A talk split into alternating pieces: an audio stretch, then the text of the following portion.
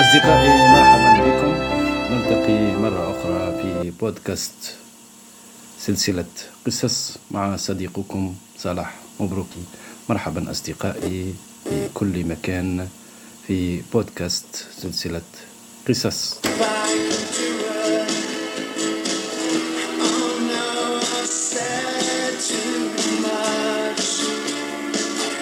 Said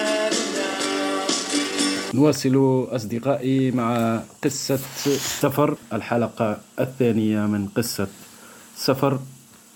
يقول السارد سرقت رقته غفوة ناعمة لم يستطع مقاومتها فأغمض عينيه وسافر سافر.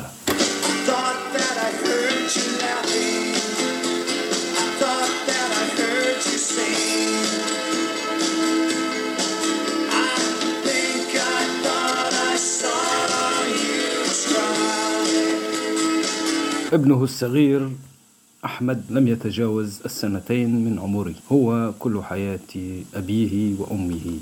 يحبه فتحي كثيرا وطالما انتظر مجيئه بفارغ الصبر وهو ما يزال قابعا في رحم أمه مريم. كم من مرة لاعبه وكلمه وهو هناك في بطنها. اليوم لم ينتبه إليه وكأنه غير موجود.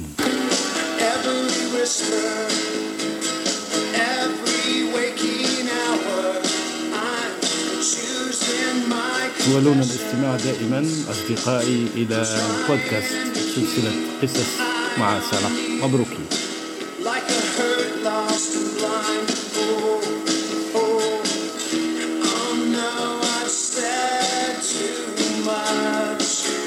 أما مريم زوجته فهو يعشقها كما لم يحب زوج زوجته من نسيها اليوم ونسي أن يقبلها على ثغرها مثل ما يفعل كل يوم لحظة يعود من عمله مساء.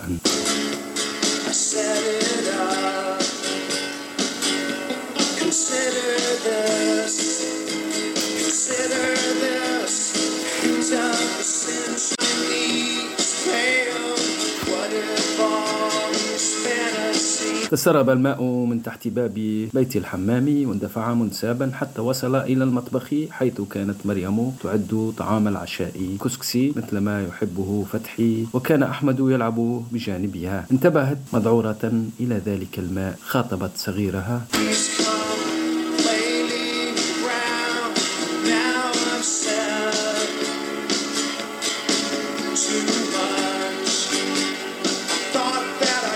كلمته وهي تقبله وتمسح أنفه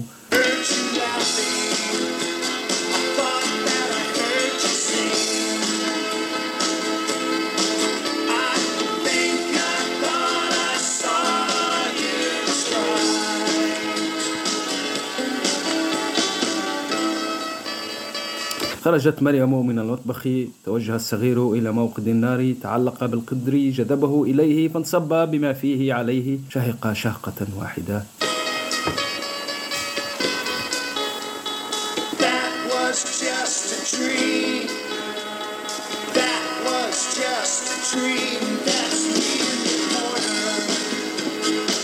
عثرت مريم على مصدر تسرب الماء عرفت أن زوجها عاد من عمله.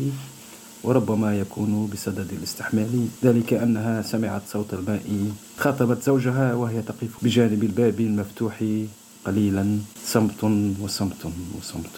حبيبي هل سمعتني؟ صمت وصمت. وحتى الصمت انخرس.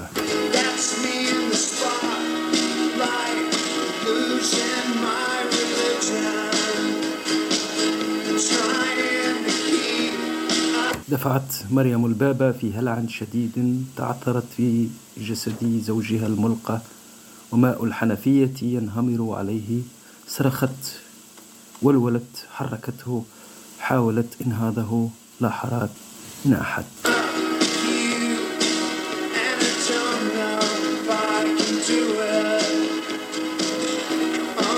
فات الأوان وقد عادت روحه إلى سمائها.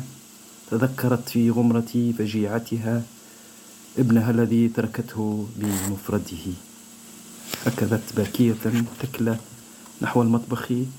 أثناء ذلك بدأ جيرانها يتوافدون على مسكنها بعد أن سمعوا عويلها. في المطبخ بحثت بعينين تملأهما الدموع عن صغيرها. صمت آخر كصمت لف أبي منذ لحظات فاتت خلال شهر جوان 1996 ملاحظة أعزائي هذه القصة بأحداثها وأطورها وشخوصها لا تمت إلى الواقع بأية صلة. الكاتب.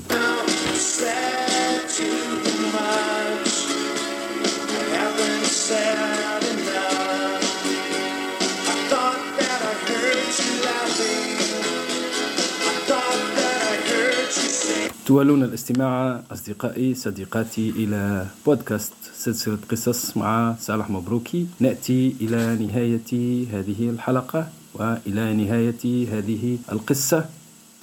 بحول الله في حلقة قادمة سنتعرف على أحداث قصة جديدة من مجموعة القصصية غياهب التيه.